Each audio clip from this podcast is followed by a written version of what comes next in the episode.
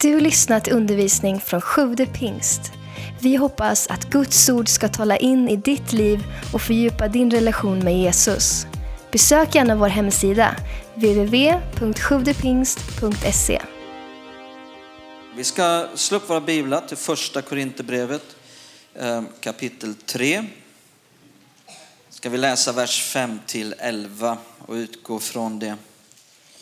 Första Korinthierbrevet 3, vers 5 till 11. 11. Vad är Apollos? Vad är Paulus? Skriver Paulus. Tjänare som fört er till tro, var och en med den uppgift som Herren har gett. Jag planterade, Apollos vattnade, men Gud gav växten. Varken den som planterar eller den som vattnar betyder något, utan bara Gud som ger växten. Den som planterar och den som vattnar är ett och var och en ska få sin lön efter sitt arbete. Vi är Guds medarbetare och ni är Guds åker, Guds byggnad. Med den nåd som Gud gett mig har jag som kunnig byggmästare lagt grunden och nu bygger en annan vidare på den. Men var och en må, måste tänka på hur han bygger. Ingen kan lägga en annan grund än den som är lagd, Jesus Kristus. Eh, idag kommer jag inte att hålla någon, en, någon regelrätt predikan, utan eh, jag vill mera berätta om en större sak som vi eh, hoppas och tror ska ske senare under det här året. Eh, och eh, det kommer absolut att vara något visionärt i detta. Absolut kommer det att få betyda väldigt mycket för vår församling under många år framöver. Och omkring det här så vill jag bara berätta, dela mitt hjärta. Och bakgrunden till detta jag kan lägga upp första bilden där. Eh, bakgrunden till detta ligger i mycket. Jag ska göra en lång story kort. Eh, efter sommaren här, efter, eller inte efter sommaren, i augusti, efter semestern så ville Simon dela sitt hjärta med mig i, i samtal, som vi ofta gör. Inget unikt i det. Men eh, Simon berättade då att eh, han och Karo har upplevt att eh, de vill få ta nästa steg i tjänst för Gud. Och att det handlar om att på något vis få vara huvudledare för en församling. Eller möjligen finnas med in i ett stö mycket större sammanhang och vara ledare inom ett sådant sammanhang. Och att det kan innebära då att de kommer att flytta. Eh, och och jag, min första reaktion var ju att jag förstår det. Verkligen. Jag skulle tänka samma sak om jag var i den åldern, i den situationen, med den kallelsen. Så skulle jag känna och tänka exakt det. Så jag bara sa att jag, jag förstår verkligen det. Sen sa jag inte så mycket mer utan jag kände att jag ville be. Eh, och jag insåg att vi står inför en stor förändring. Och eh, jag vill alltid göra det när det är en större förändring på gång. Ta ett par böneveckor, en månad i bön, inte säga så mycket, inte tala ut för mycket utan be, söka Herren. Ehm, och ehm, eh, jag vill berätta lite grann vad jag upplevde under den månaden av bön. Eh, jag tänkte dels att om nu Simon och Karo flyttar iväg så, så blir det ju en väldigt stor utmaning. Här, det, det, det, jag ska hålla koll på klockan nu för jag kan hålla på ett par timmar nu utan om inte. Jag märker ju när ni går hem va, men när det handlar om sådana här grejer. Ehm, men alltså det, det, skulle innebära en väldigt, väldigt stor utmaning. Ehm, eh, samtidigt så, så var jag inte, kände jag inte någon rädsla eller en fruktan för en sån utmaning. För jag är ju sån lagd på det sättet, eh, bra eller dåligt liksom, men, men jag gillar utmaningar.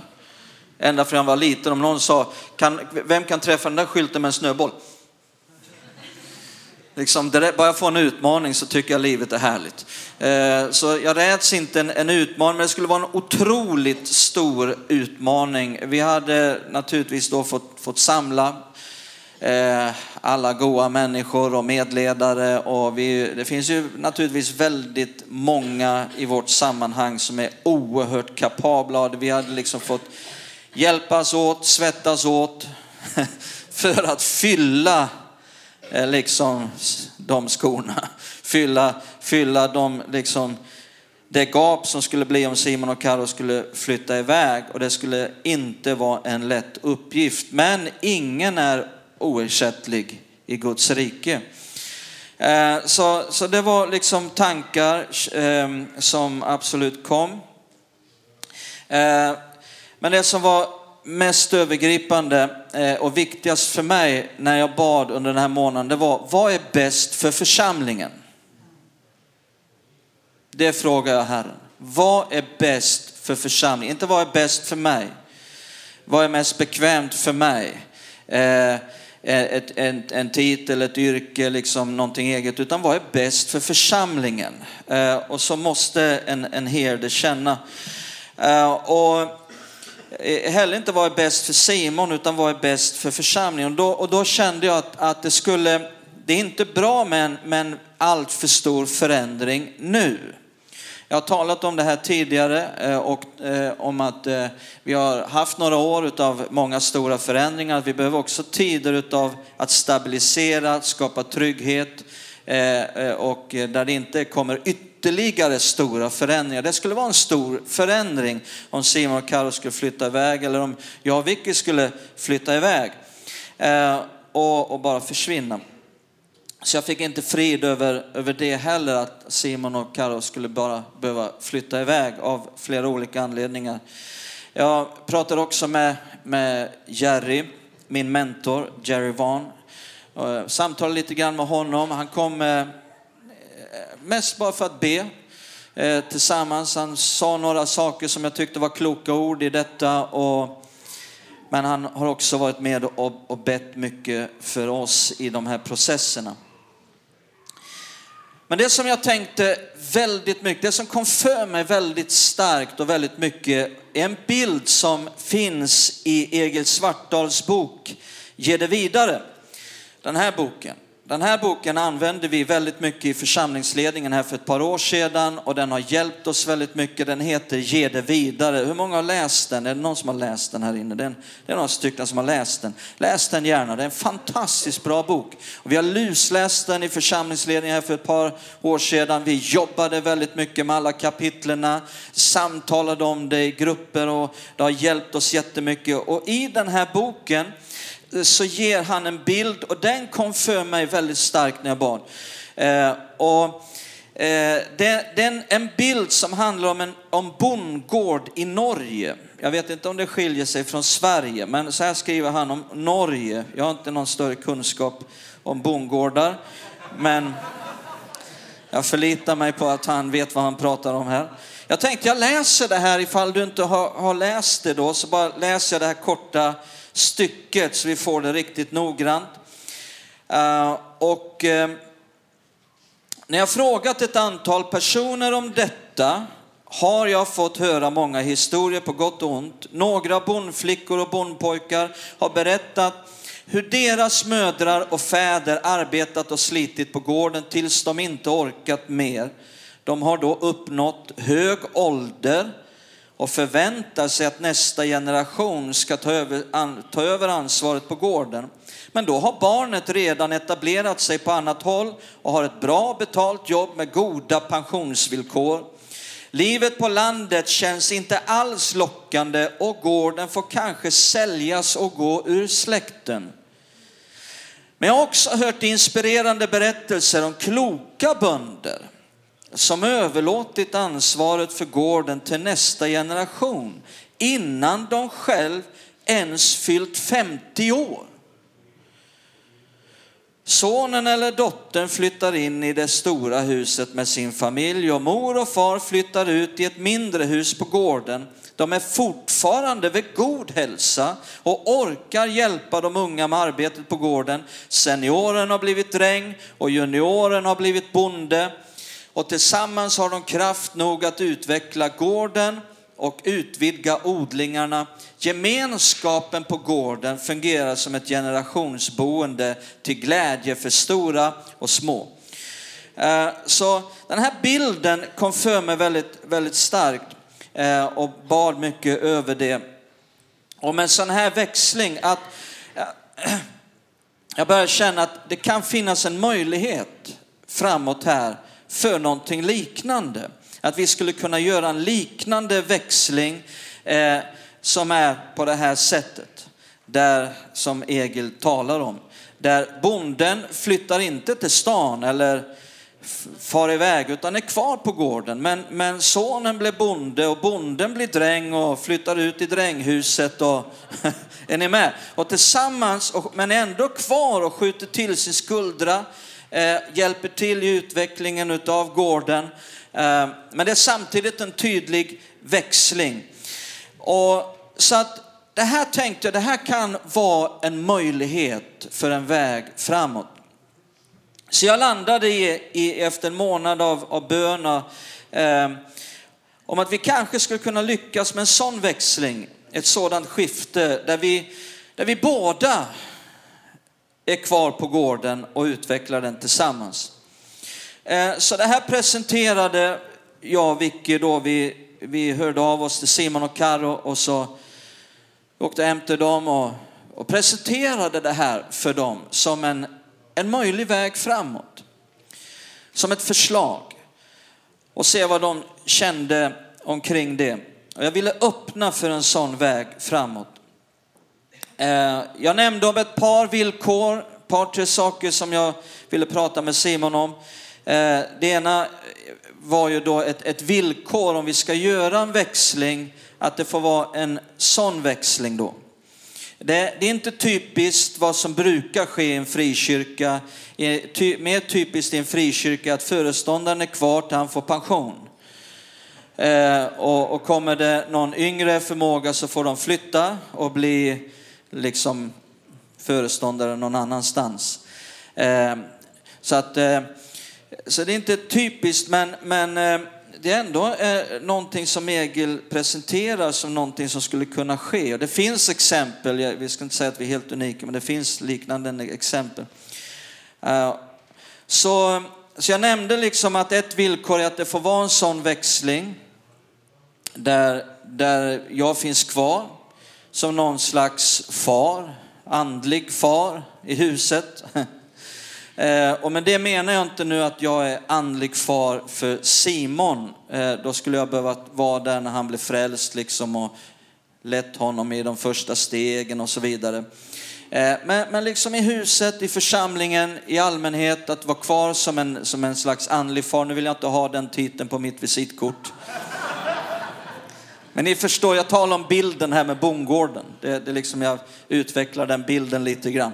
Eh, Eh, så, men liksom, eh, och, och sen förklarar det också att, att eh, det är ju, Eh, jag offrar mig i detta. Det, det är liksom eh, ett pris att betala för mig personligt om vi ska göra detta.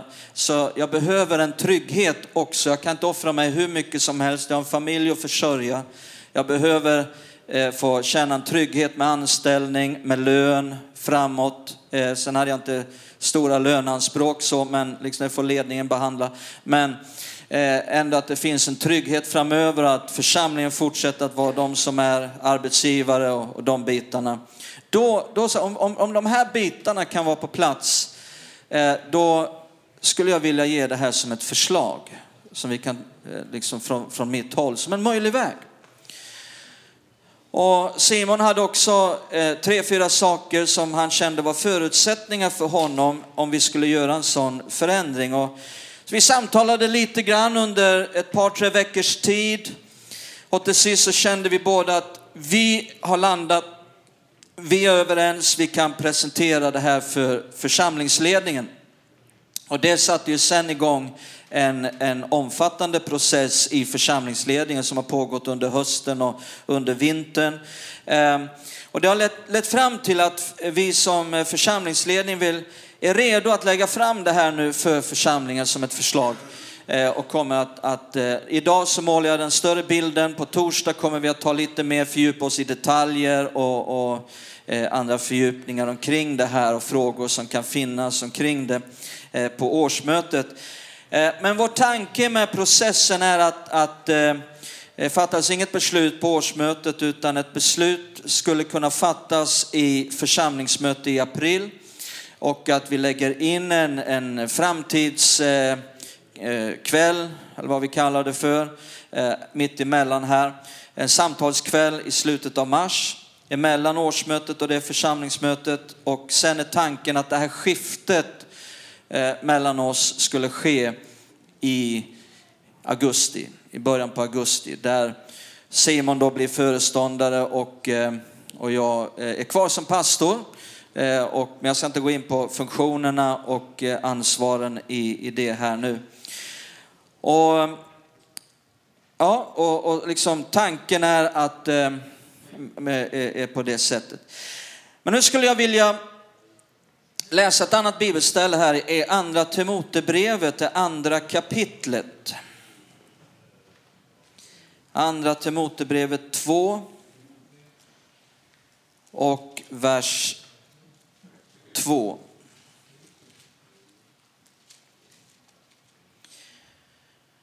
För jag skulle vilja ägna lite tid också här i, i gudstjänsten att eh, tala till oss allihopa. Eh, därför att den här växlingen inte är unik, utan det sker normalt, i ett normalt församlingsliv så sker växlingar med en viss regelbundenhet eh, för många andra. Eh, så jag skulle vilja tala om växlingar eh, i församlingen och att vi behöver vara en kyrka som lyckas med växlingar. Är ni med? Så det är lite grann det övergripande temat, även om det här nu, hoppas inte någon sitter här och är alldeles chockad över vad jag precis har sagt. Det är kanske någon som är chockad, någon som är glad, någon som är ledsen, det kanske finns olika känslor. Men, eh, utan eh, jag, jag, vill tala inte bara om det, utan jag vill också tala lite grann eh, om vår kyrka i allmänhet, att vi behöver vara en kyrka som lyckas med växlingar. Kanske det här kan få vara ett exempel, en inspiration om hur någonting kan gå till och hur man går i detta. Eh, så vi läser här i andra Timoteusbrevet 2, vers 2.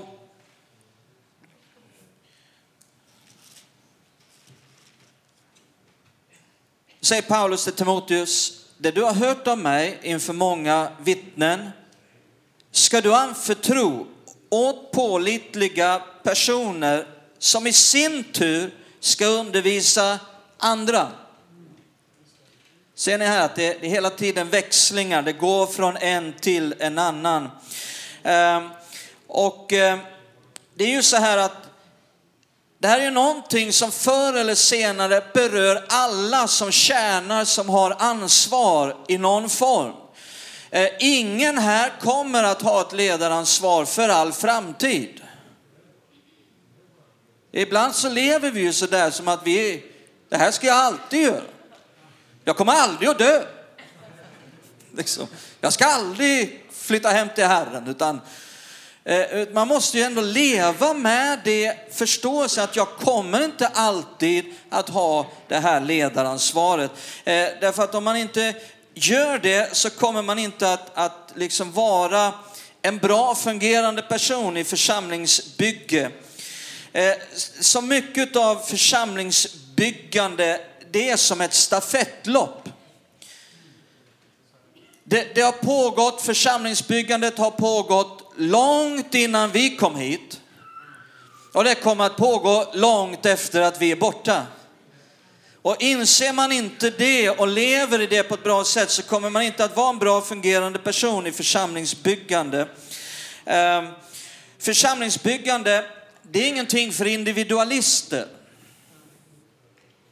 Församlingsbyggande är någonting som man gör tillsammans med andra som är här just nu.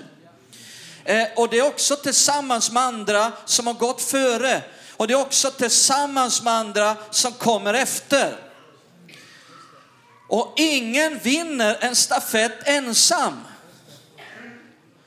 Har du sett någonsin ett, ett lag som vann eh, OS-guld i stafett i skidlöpning eller 4 gånger 400 meter eller vad det kan vara, 4 gånger 4 maratons eller vad de nu har stafetter i? Ja, det kanske inte finns någon sån stafett, men har någon någonsin sett en som vann den här stafetten helt själv? Nej. Det krävs alltid många andra som är med, andra som är med i stafetten. Eh, och eh, någonting som är väldigt avgörande i ett stafettlopp är växlingar. Naturligtvis inte bara växlingarna. Det är ju faktiskt viktigt hur man springer en sträcka. Alltså någon kan ju kollapsa under en sträcka. Vad, vad är det de brukar ha i skidlöpning? Det är fyra gånger tio. Tio eller trettio kilometer, något sånt där. Nå, någon kan ju, ja ni märker jag,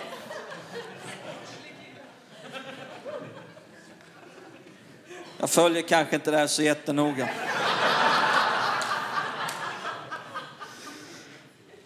Jag följde det här när, när Wassberg och Gunde Svan var i farten.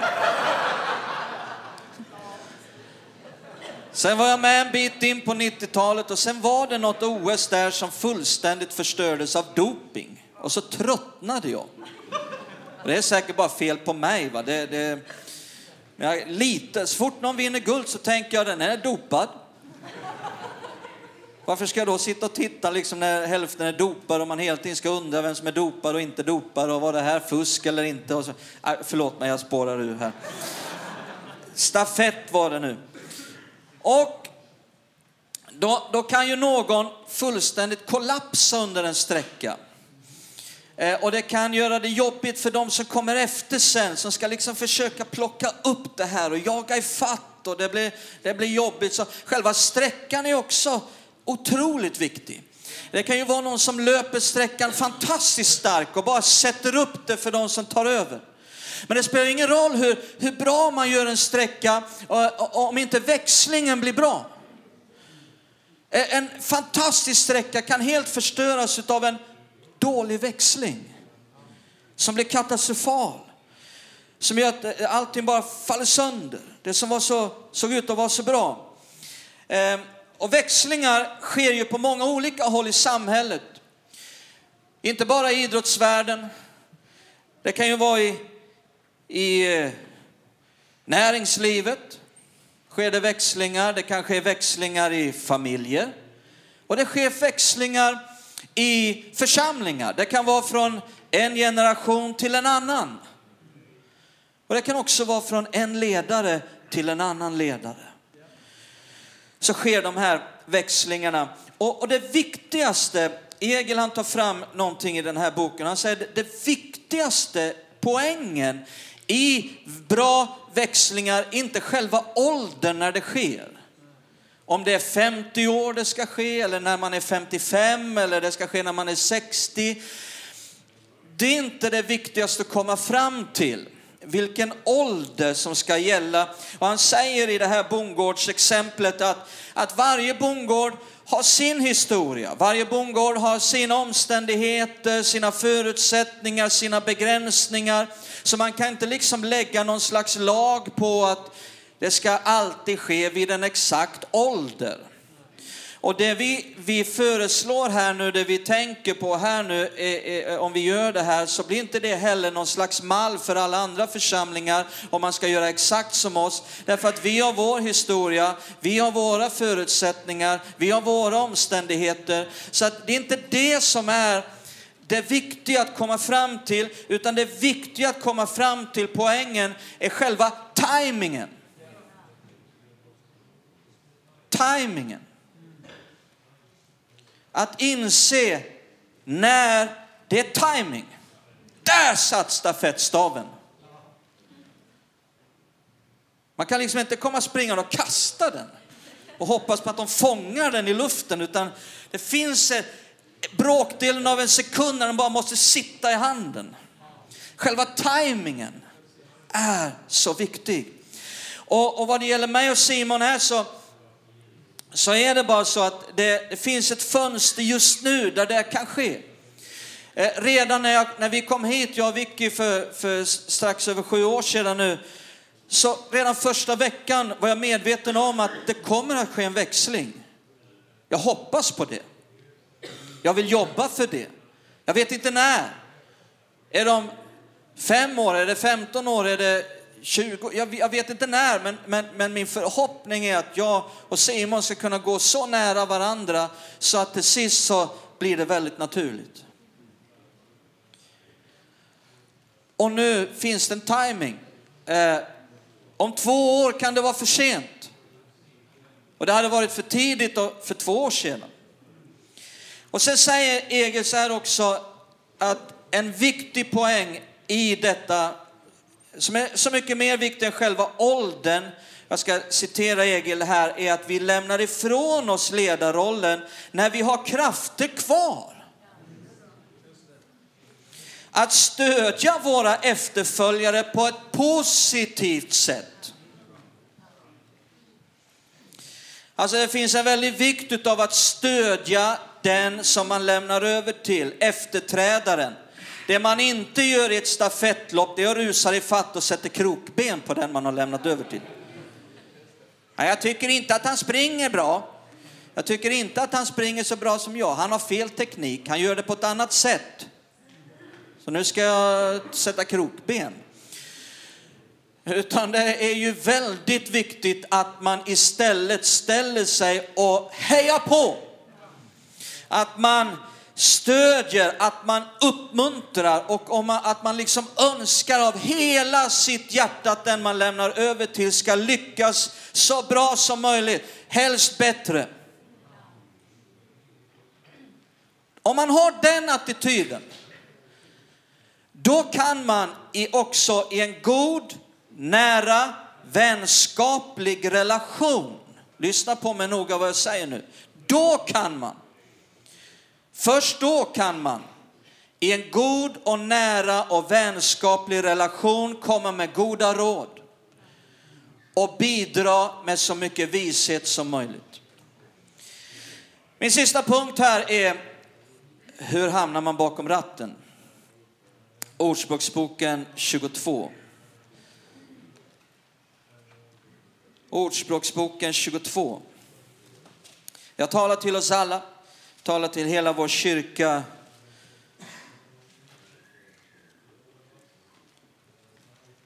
Ordspråksboken 22, vers 6.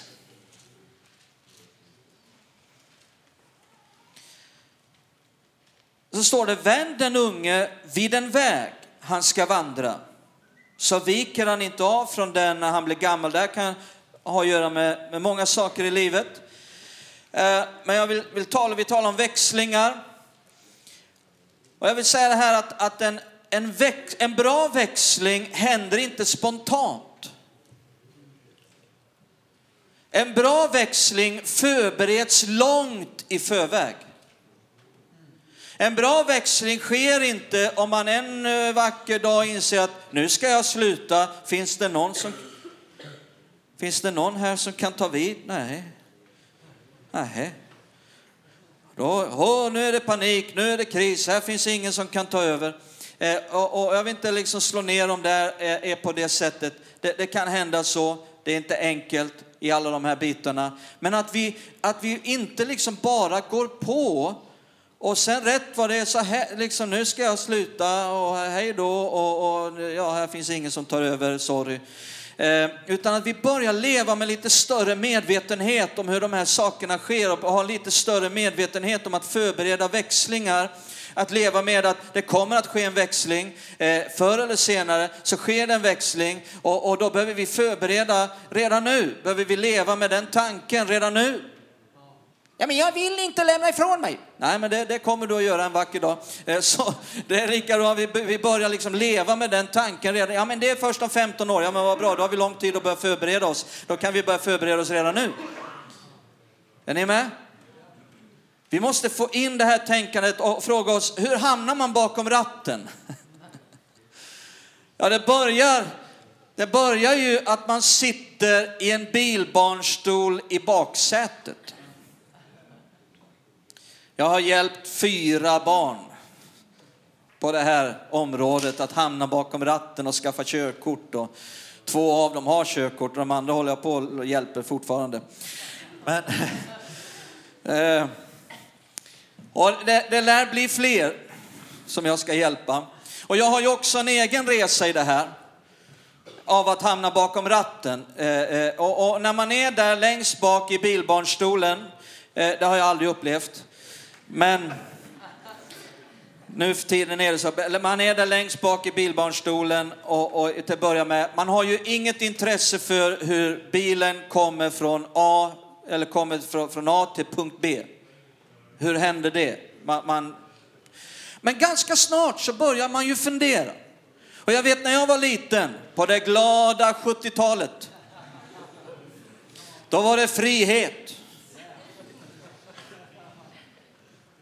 Då stod jag och hängde fram mellan mamma och pappa.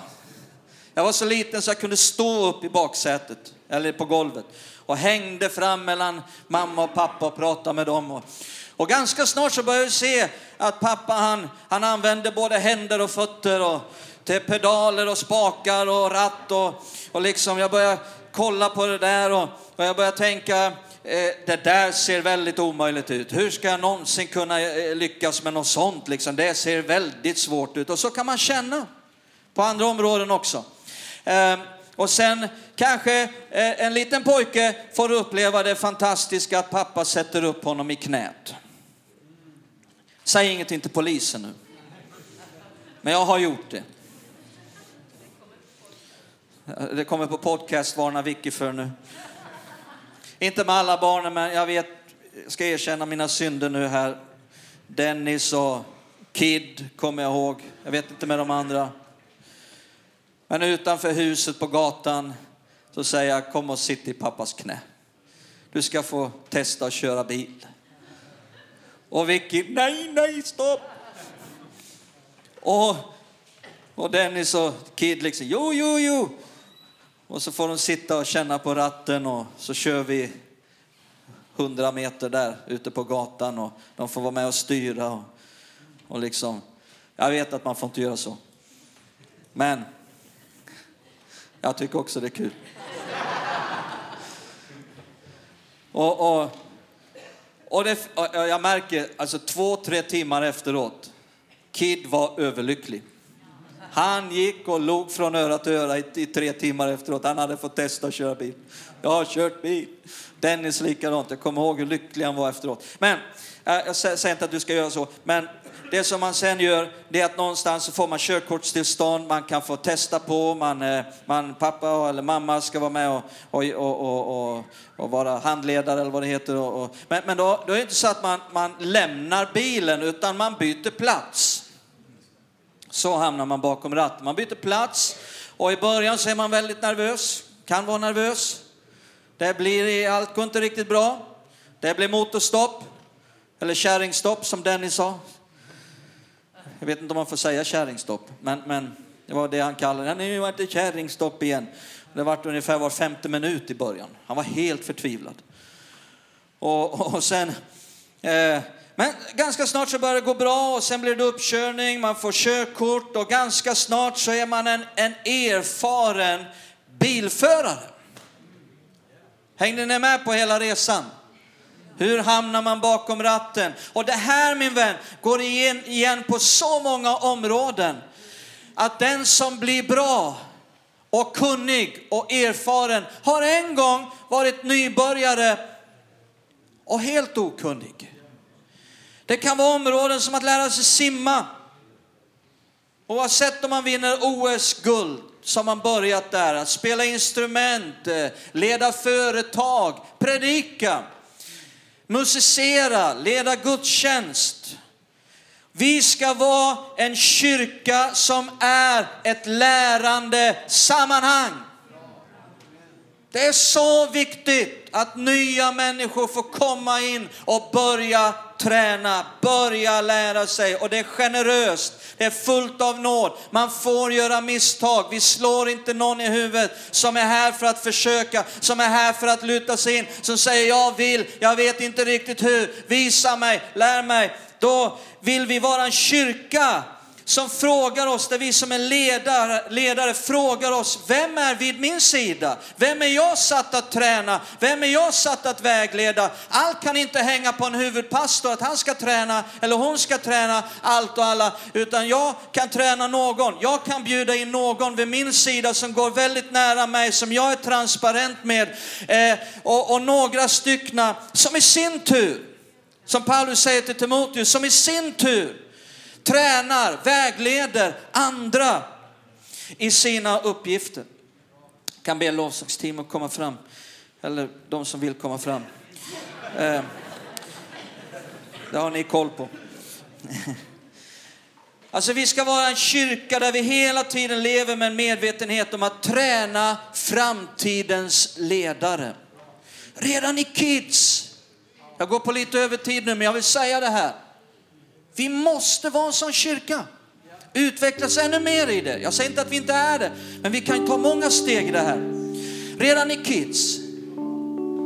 Att de som är barnledare, när de ser barnen, tänker, vem av de här är en ungdomspastor? Vem av de här är en missionär? Vem av de här är en som ska leda hemgrupp? Vem av de här ska leda var säkert allihopa. Men, men liksom att man lever ett sånt tänk. Och redan där vänjer den unge vid den väg han bör vandra så att han inte viker av när han blir större. Och det gäller inte bara eh, liksom hemmet och de bitarna utan det gäller även i kyrkan. Vänd den unge vid den väg han bör vandra. Det, det, ja, men det, då säger någon, ja, ja men vi vet väl inte om de är här. Det spelar ingen roll. Till och med den som du redan nu är medveten om är vid din sida. Det, inte, det finns ingen garanti att, att de med största säkerhet kommer att ta över. Att det blir en växling till dem. Ändå måste vi leva med någonting som säger att jag vill vara med och förbereda växlingar långt i förväg. Och träna uppmuntra, förbereda för och sätta upp nästa generation hela tiden. Vi får inte se människor som är med som bara ett namn på någon funktionärslista som vi har frågat, kan du ställa upp ett år till? Vi måste se längre, djupare, mer omfattande vad Guds församling handlar om. Ska vi stå upp tillsammans? Fader, vi tackar dig för den stora nåden att vi får vara med. Vi tackar dig för den stora nåden att vi får vara med och bygga på det som redan är lagt, Jesus Kristus. För det finns en grund som ingen kan lägga och det är den grund som du har lagt Jesus. Genom vad du har gjort, genom vem du är, genom vad du gör. Du är hörnstenen, du är grunden som vi aldrig har varit med och lagt. Tack att vi får vara dina medarbetare. Tack för att vi får ingå i ett, i ett stafettlopp. Där någon planterar, där någon annan vattnar, men där vi alla kan säga att du gav växten Gud. Vi tackar dig Fader att vi får vara med. Vi tackar dig för nåden, att vi får vara med.